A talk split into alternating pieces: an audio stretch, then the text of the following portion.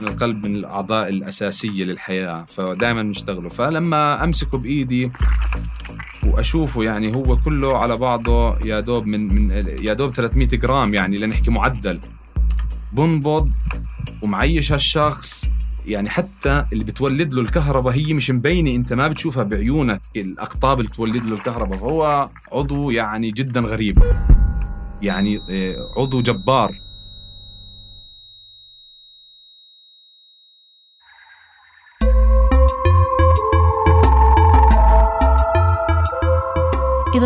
على الصورة الكبيرة ومننسى ولو لحظياً الكوارث الطبيعية والحروب منلاقي إنه عالمنا منظم كتير ومتوقع إلى حد كبير.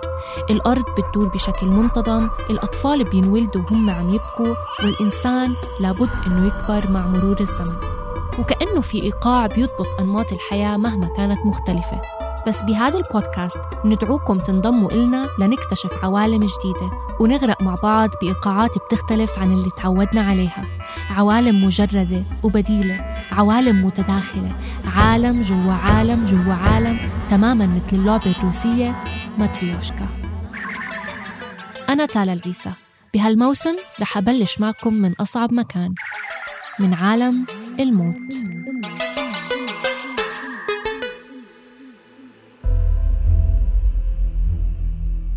عالم الطب واسع وفي أنواع كتيرة أفكارنا عنها محدودة مثل الطب الشرعي. لما نفكر بالطب الشرعي مباشرة بيروح بالنا للأفلام والمسلسلات البوليسية وبنتخيل الطبيب بيصحى كل يوم على إنذار أو تليفون له علاقة بموت غريب وتفسير مطول لأسباب الوفاة. وبعد هالاتصال بيقضي حياته وهو عم بينام وبياكل وبيشرب وبيعيش في المستشفى في سبيل حل القضية وفك اللغز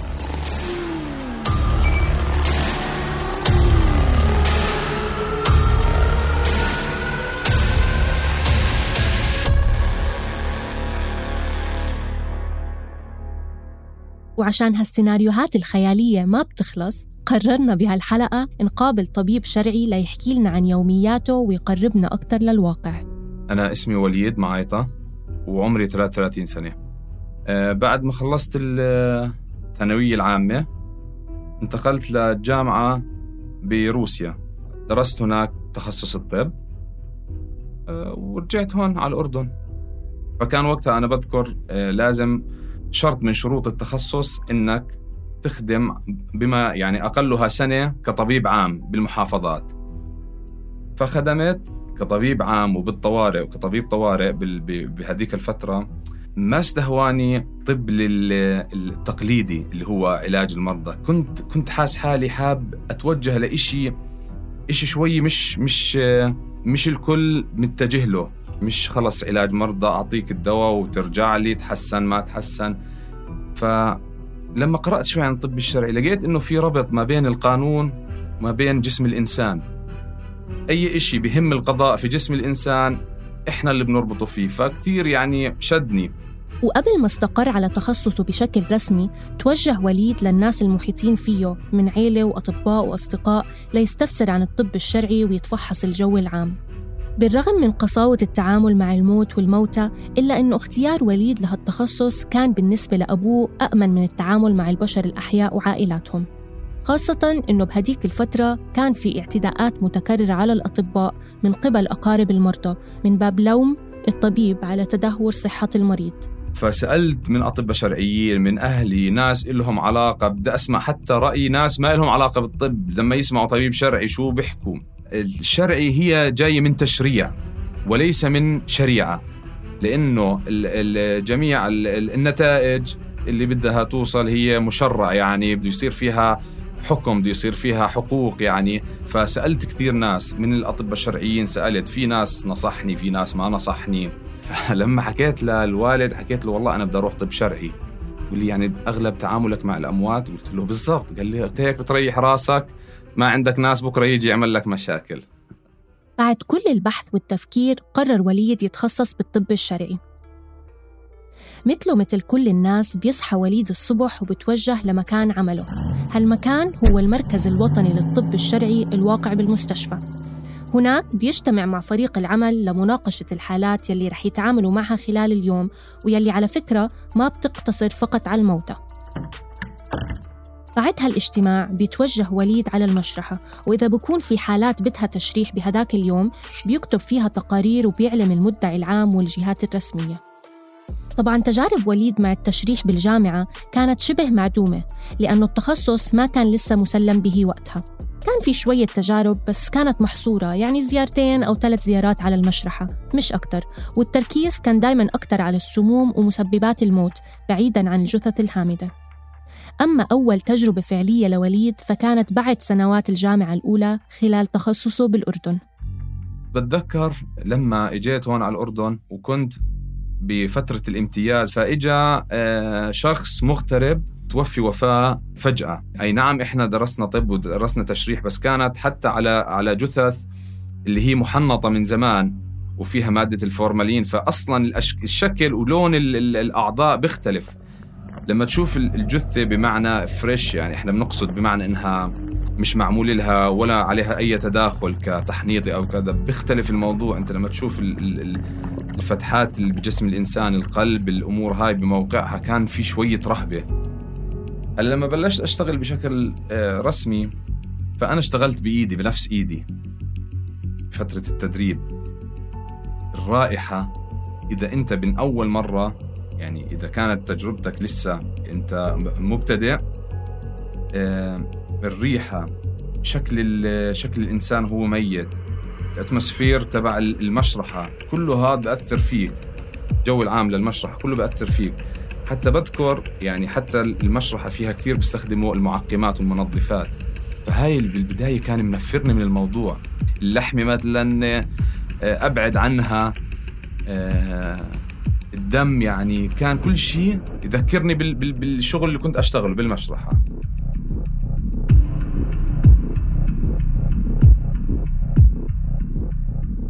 بالطب العادي أول طبقة للبني آدم هي الجلد.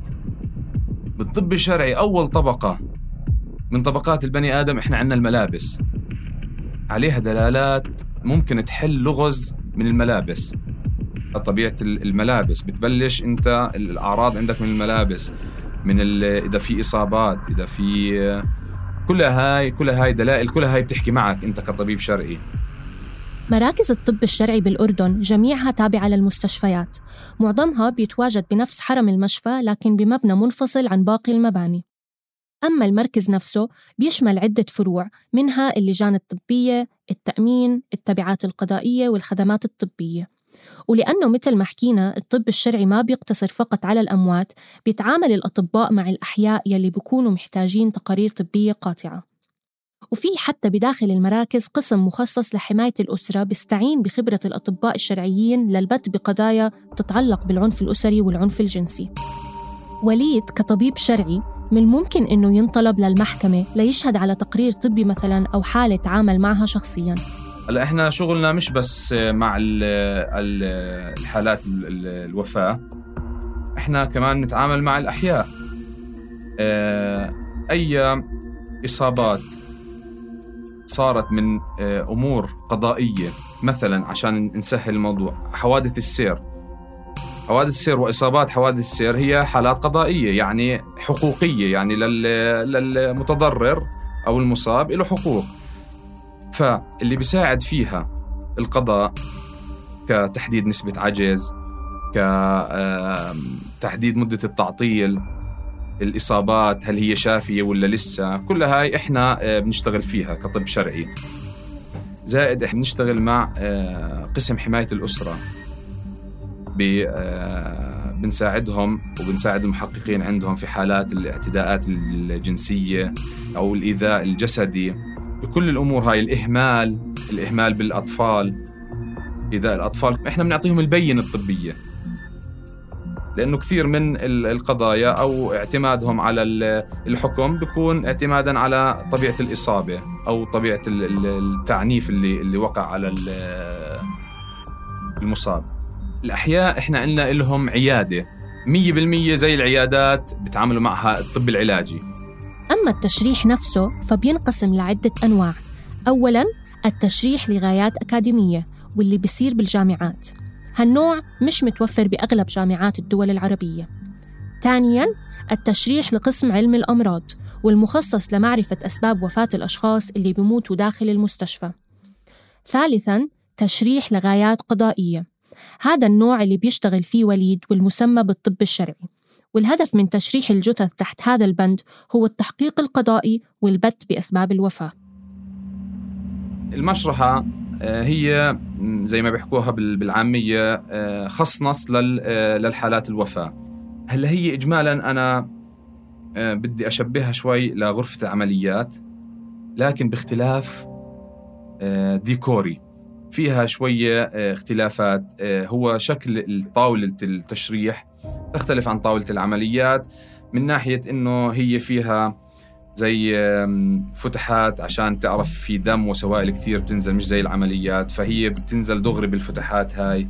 فيها نظام مياه جاري يعني عشان يضلوا ياخذ بالسوائل والدم اللي بينزل أثناء التشريح. زائد بنفس الطاولة هاي مركب فيها عدة شغلات هي مش موجودة بطاولات العمليات الثانية. آه، إذا بدنا نحكي عن عده التشريح أو لنحكي أدوات التشريح هي آه، قريبة جدا لأدوات الجراحة لكن في عندنا المعدات في شوي منهم بيختلف اللي هي مقصات القفص الصدري في زي قطعة هاي بنستخدمها لفتح آه، عظم عظم الجمجمة. بس اجمالا 90% بتشابه هي وغرفه العمليات الثانية.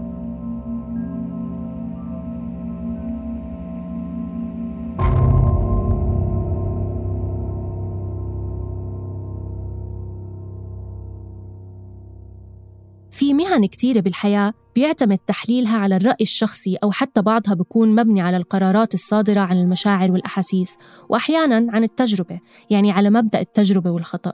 خطر لي أسأل وليد إذا كان الموت بيستحمل هاي المساحة الرمادية. هلأ التفاوت في, في الآراء هاي موجود في أي مجال. حتى بالكدمات. في ألوان إحنا بنقيس آه، عمر الكدمة بالألوان. في ناس عندهم مشاكل بالدم أو في ناس ممكن تحلل الدم يصير عندهم أسرع من من ناس فاللون اللي ببين أبكر عند واحد ممكن يتأخر عند واحد ثاني. هي تقدير في عندنا أمور لكن إحنا الحلو بالطب الشرعي في أمور بنسميها تقدير وفي شيء اسمه تحديد. الأمور اللي فيها تقدير بنقدرها واللي فيها تحديد نحكي إنه حددنا. حددنا مثلا سبب الوفاة بشغلة كذا لكن بقدر عمر الإصابة بكذا بيوم أو يومين أو ثلاثة. هو تشخيص بالآخر ممكن تشخيصه يكون شوي بيختلف عن تشخيص طبيب ثاني علما بأنه ماشي على فحوصات دم. الطب الشرعي هو فرع من تخصصات الطبية هو تخصص طبي بحت وفرع يعني ينقسم من من تخصصات طبية. فإحنا بنعتمد اعتماد كلي على على ال الأسس العلمية وال وال والقياسات العلمية. يعني الاجتهاد خاصة عندنا الاجتهاد هو يعني جدا قليل. ذكرنا قبل شوي روتين وليد اليومي اللي بيشترط عليه يروح على المشرحة ويباشر بالتشريح. بس أحيانا جزء من عمل وليد بيبدأ قبل المشرحة بيبدأ من مسرح الجريمة. بهاي الحالات بيتواجد الطبيب الشرعي بمكان الوفاة بأمر من المدعي العام اللي بيقيم إذا كان في حاجة للتشريح أو لا بحسب معطيات الوفاة.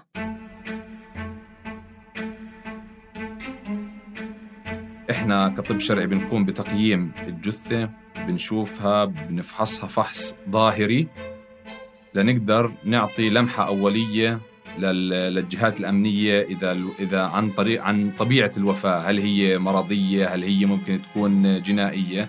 بس نخلص من الكشف ونأخذ من المدعي العام زي آه، كتاب نقل للجثة على مركزنا. هناك بيستلموها وبدخلوا بياناتها كاملة. هلا إذا الجثة بعمر كبير تقاريرها المرضية مقنعة إنه تكون هي سبب الوفاة. لا يوجد ابدا على الجثة أي إشارات أو دلائل على شدة أو عنف أو أو أشياء غير طبيعية. ممكن نكتفي بالتقارير و آه، تكون كشف ظاهري بيحكوا له آه، بينما إذا صار في تشريح يقوم طبيبين على الأقل بتش... بتشريح الجثة. فني التشريح بيعطينا ال... آه، بقوم بفتح الرأس. إذا وصلنا لسبب وفاة واقتنعنا فيه خلاص. نكتب تقريرنا. بنقوم بالتقرير نبعثه للمدعي العام. المدعي العام بيطلع عليه وبيحكي إذا ما عنده مانع بتسليم الجثة لذويها. بس آه، المدعي العام بيصرح لنا بتسليمها لذويها. إحنا بنكتب شغلة اسمها تبليغ الوفاة.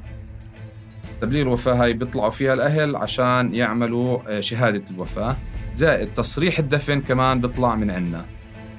للأهل دور فعال بعملية التشريح. بحق لهم يشوفوا الجثة بعد ما تتشرح وبحق لهم كمان إنهم يمنعوا أو يوقفوا قرار التشريح. هذا إذا ما كان في شبهة جنائية من الممكن إنها تأثر على سير العملية التحقيقية. من الأسباب اللي ممكن تخلي الأهل يوقفوا عملية التشريح ارتباط هالكلمة بصورة مزعجة بتخليهم يتصوروا تشوهات كبيرة وتغيير على جسد الشخص المتوفى. لكن بالنسبة لوليد التشريح مثله مثل أي عملية تانية. يعني بصير في فتحات كبيرة من الداخل لكن من الخارج ما بيتعرض الوجه أو الجسد للتشويه.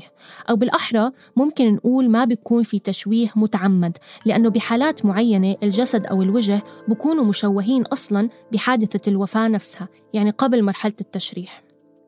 الإشي الوحيد يلي بيكون ظاهر على الجثة اللي بتم تشريحها إذا ما كانت مشوهة من الأساس هو الغرز الطبية مش أكتر. بالأردن المدعي العام هو أو هي يلي بيصدروا القرار بتشريح الجثة وهاي تعتبر أول جزئية بسير هذا العمل. وبينما يحق للعائلات معارضة قرار التشريح أطباء التشريح ما بحق لهم أبدا إنهم يرفضوا إلا في حالات قليلة جدا. طبعا أكيد ما بق... ما بيقدر يرفض التشريح هو قرار رسمي من مدعي عام يعني ممكن يكون فيها إعاقة لسير العدالة.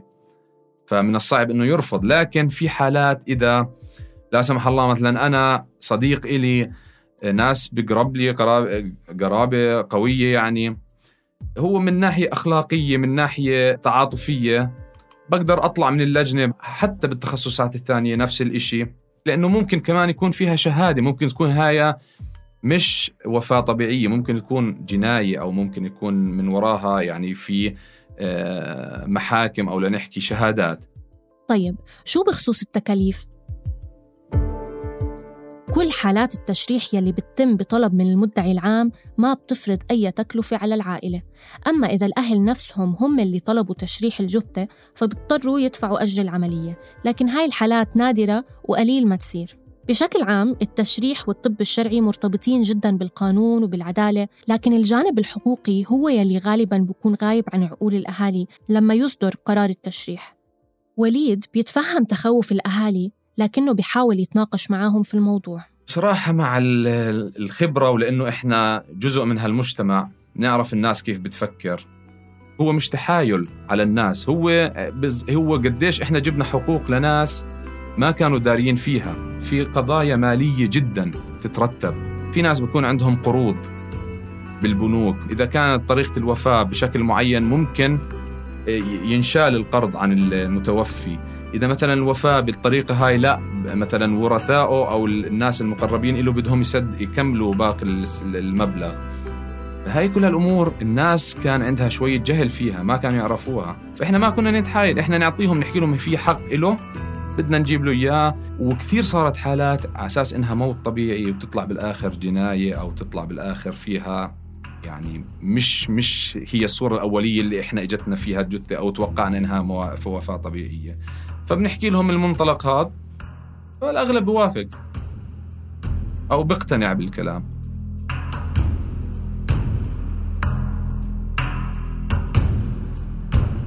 بأغلب الأحيان بتعامل الطبيب الشرعي مع الأموات ما قبل مرحلة الدفن لكن مرات بيضطر يتعامل مع جثث سبق وتم دفنها.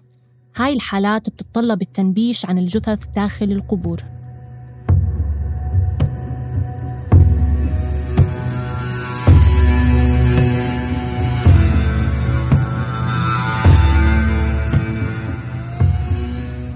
التشريح ما بعد الدفن آه، هو خيار موجود وهو آه، واقع. وأنا شغلة صادفتها آه، تقريبا ثلاث مرات أو أربع مرات. وهي اسمها بالقانون نبش القبر. آه، هي أغلب الحالات اللي أنا كنت عليها هي كانت بعد استجداد معلومات للقضاء أو للمدعي العام بوقوع مثلا جرم أو كذا. يعني معلومات استجدت فبقرر المدعي العام نبش القبر وتشريح الجثة. هسا في شيء اسمه آه، تشريح محدود لكن إحنا هون بالأردن بصراحة كثير ما بنلجأ له. يعني نادر ما بنشوفه. ممكن في حالات التشريح المحدود يعني مثلا بيقوموا بس بالكشف على القلب يشوفوا إذا في مثلا مشاكل قلبية أو لا. بعدين تورد معلومة بيقول لك في ما هو مثلا انطخ براسه أو مثلا هاي أمثلة طبعا أو تسمم. فبيردوا كمان بؤمر المدعي العام بنبش القبر عشان إعادة تشريحه. أو لنحكي التشريح الثانوي أو السكند ادوبسي بحكوا له. نبش القبر لغايات التشريح والتحقيق القضائي ممكن أحيانا تحصل بعد فترة طويلة من يوم الدفن. هالفترة ممكن توصل ل 12 أو 13 سنة من دفن الجثة وهاي حالات شهد عليها وليد بنفسه. هالتباعد الزمني الطويل ما بين الدفن والتنبيش بينتج بسبب الوقت الطويل اللي بتستغرقه التحقيقات لاستحداث معلومات جديدة. لما يتم نبش القبر خاصة بعد فترة طويلة من الدفن ما بكون في أي بقايا غير العظام. بس حتى العظام بتعطي دلالات طبية ممكن تساعد على سبيل المثال بتحديد عرق الأشخاص أو أعمارهم مثلا وممكن تساعد بتعريف هويات الأشخاص المدفونين بالمقابر الجماعية. الحالات هاي كلها ممكن تأثر نفسياً على الطبيب أو الطبيبة الشرعية وممكن تشكل نوع من الأرق أو التوتر المزمن. عشان هيك منلاقي إنه لكل طبيب أو طبيبة أسلوب خاص لتخطي هاي المشاعر. بداية يعني كان الموضوع شوي صعب. كنت أحاول ألهي حالي شغلات زي هيك. لكن بالآونة الأخيرة بعد الخبرة يعني الواحد تلقائيا أول إشي بفصل يعني كيف حاله إنه بس خلص تطلع أنت من المركز تبعنا أنا خلص حياتي تغيرت أنا إنسان ثاني. أنا شخصيا كثير آه، هلأ آه، عندي شغف بالرياضة. بلعب بجوز مرتين باليوم بعمل رياضة مرتين باليوم. لقيت صراحة حالي لما أعلي دقات قلبي بيرتفع عندي الهرمونات السعادة الأمور هاي فكثير بفصل. فأنا لقيت حالي حتى بشارك في جروبات ركض. فهلأ ممكن واحد يلقى حاله بك بكتب بقرأ في طبيب شرعي سوى كتاب كتب كتاب عن يوميات طبيب شرعي. فممكن كل واحد له طريقته الخاصة بالفصل.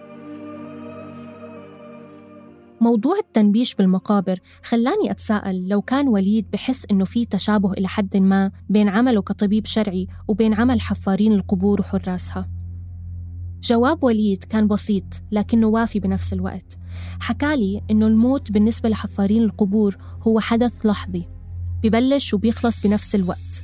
أما بالنسبة للأطباء الشرعيين فهو عبارة عن عملية مستمرة.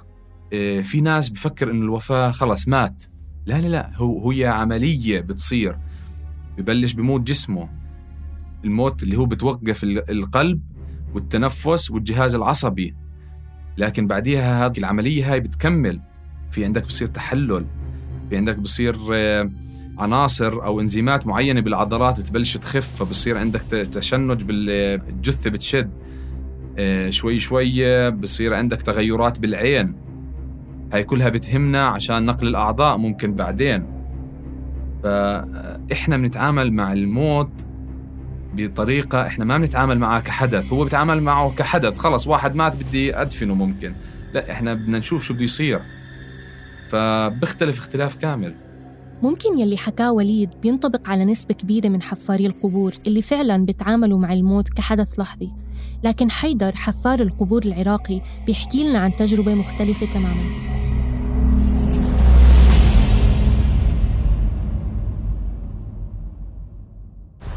المقبرة هاي كانت هاي كلها منتزه والعالم تجي تصيف بيها وملعب مال طوبة زين وعوائل تقعد بيها. ويجون هنا حتى يفطرون يسوي لهم يدرسون بيها. زين تحولت من منتزه إلى إلى قبور. زين. يعني العالم قبل كانت تزرع ورد تزرع. هسه قمنا نزرع جثث. مقبرة بيها حوالي بس شهداء حوالي 8000 ما يقارب هيك 8000 شهيد بيها.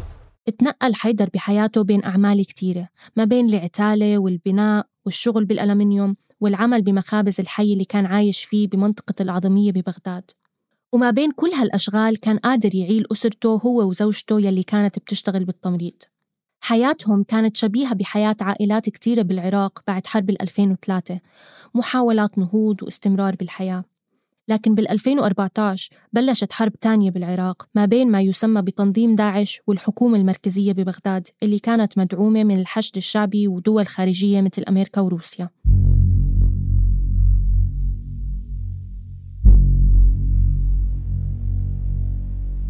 الحرب يلي خلفت قتلى وضحايا كثر انتهت بال 2017 بانتصار الحكومة العراقية. فترة الحرب هاي غيرت حياة ملايين من الناس. أشكال قراهم ومدنهم تغيرت للأبد من بعدها. الطرق تكسرت البيوت تدمرت وحتى الحدائق تحولت لمقابر جماعية. أول جثة ستة سبعة اسمه غيث من أهل الشعلة كتلوه. هناك مدفون. اسمه غيث. الجثة أم أهلها جابوها. ثم جابوه متشفن وهذا بس هم قاتلين إحنا ما زي ما نشوف الشفن يعني ما انفتحت شفن اللي متشفن انفتحت إي بس آه على مرات يم يصير آه معارك ما معارك هاي الشغلات لو قتل لو هذا قمنا ننزلهم بملابسهم. زين لا لا تغسيل كل شيء ماكو. بس العالم تريد تخلص من عندها الجثة.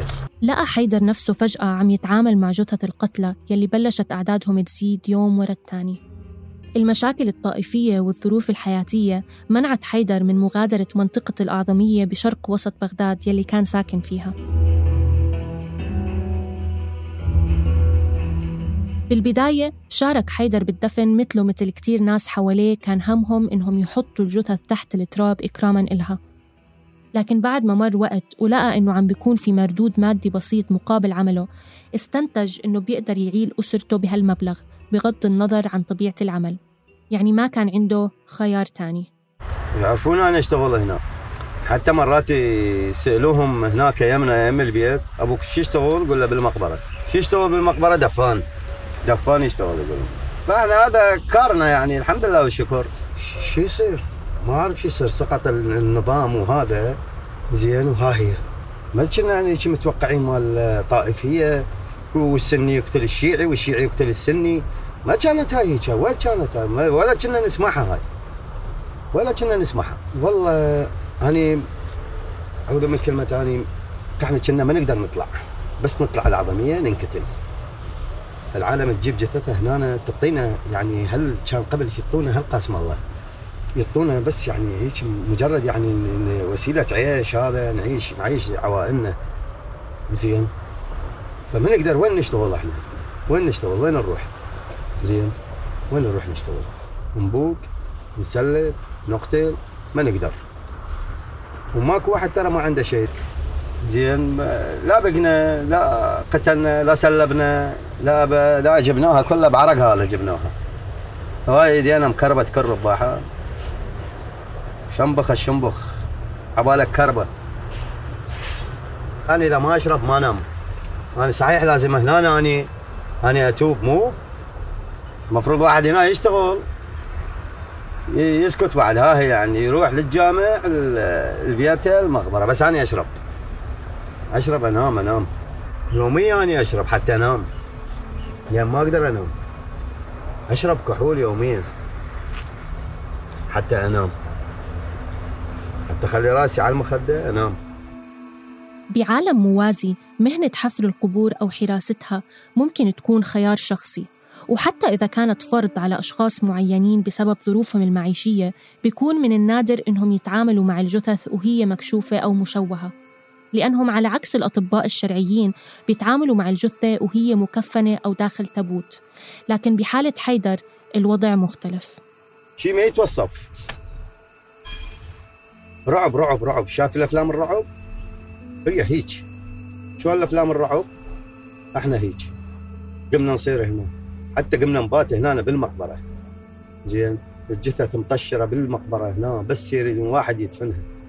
زين وأني والعمال والكسارة والضوء وما ضوء والعالم الاهالي همينا خاف الله عليهم قمنا ندفن بيهم. زين لحين ما لحد الآن. زين يعني يعني لحم ومرقة ما أكل. لما تتخيل شغلات قدامي غريبة. زين والازواع والهالة. وهدومنا تقسب من وراء الدم والدهن اتخيل اللحم مال البشر ما أشوف شيء قدامي أشوف لما أكل اللحم أشوف مال البشر قدامي. فما أقدر آكل ولا المرقة الحمراء. ما أقدر. على الخبز وشاي. هاي ما صار لي يعني سنتين ثلاثة آكل هسه قمت آكل لي شوية لحمة شوية دجاجة شوية كذا. ولحد الآن بس اتخيل هيك شغلة بعد ما آكل. ولحد الآن. هاي أحلام لو ادفن لو هواية شغلات شغلات هواية. هواية. واحلم بمدري إيش واحلم بالبشر دا ادفنه صحيح إي والله هواي من قبل أسبوع حلمت بواحد؟ فزيت من الحلم فزيت على ما أدري. ما أدري شلون اجى على بالي ما أدري. قلت له احمد قلت له هيك وهيك السالفة أنا حلمت هيك وهيك. قال لي حيدر كودا نحن شغلنا بالمقبرة.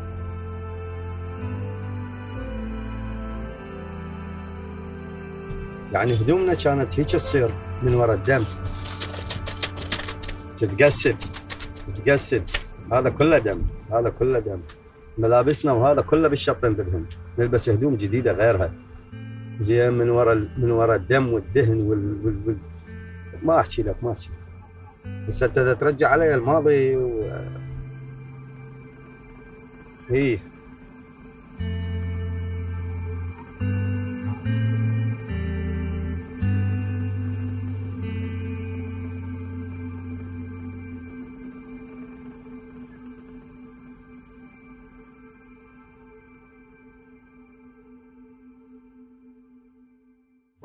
التعامل مع الموت تجربة شخصية كتير. كل شخص بيختبر شبح الموت بطريقته الخاصة. أما العاملين في مجالات مثل الطب الشرعي وحفر القبور فإضافة للمشاعر الشخصية اللي بتراودهم هالأشخاص مضطرين يتعاملوا مع الموت ببراغماتية تجبرهم ينظروا للجثث من منظور مادي أو بيولوجي كتير منا مستثنيين منه.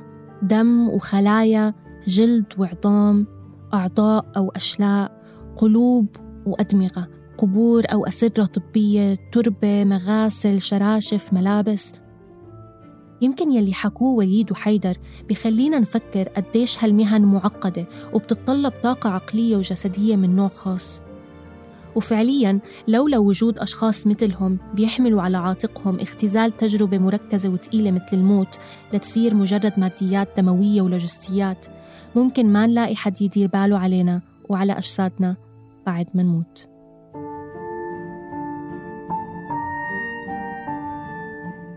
كنا معكم من الكتابة والإعداد سليم سلامة التقديم والمشاركة بالإعداد تالا العيسى هندسة الصوت وإخراجه تيسير قباني النشر والتوزيع مرام النبالي.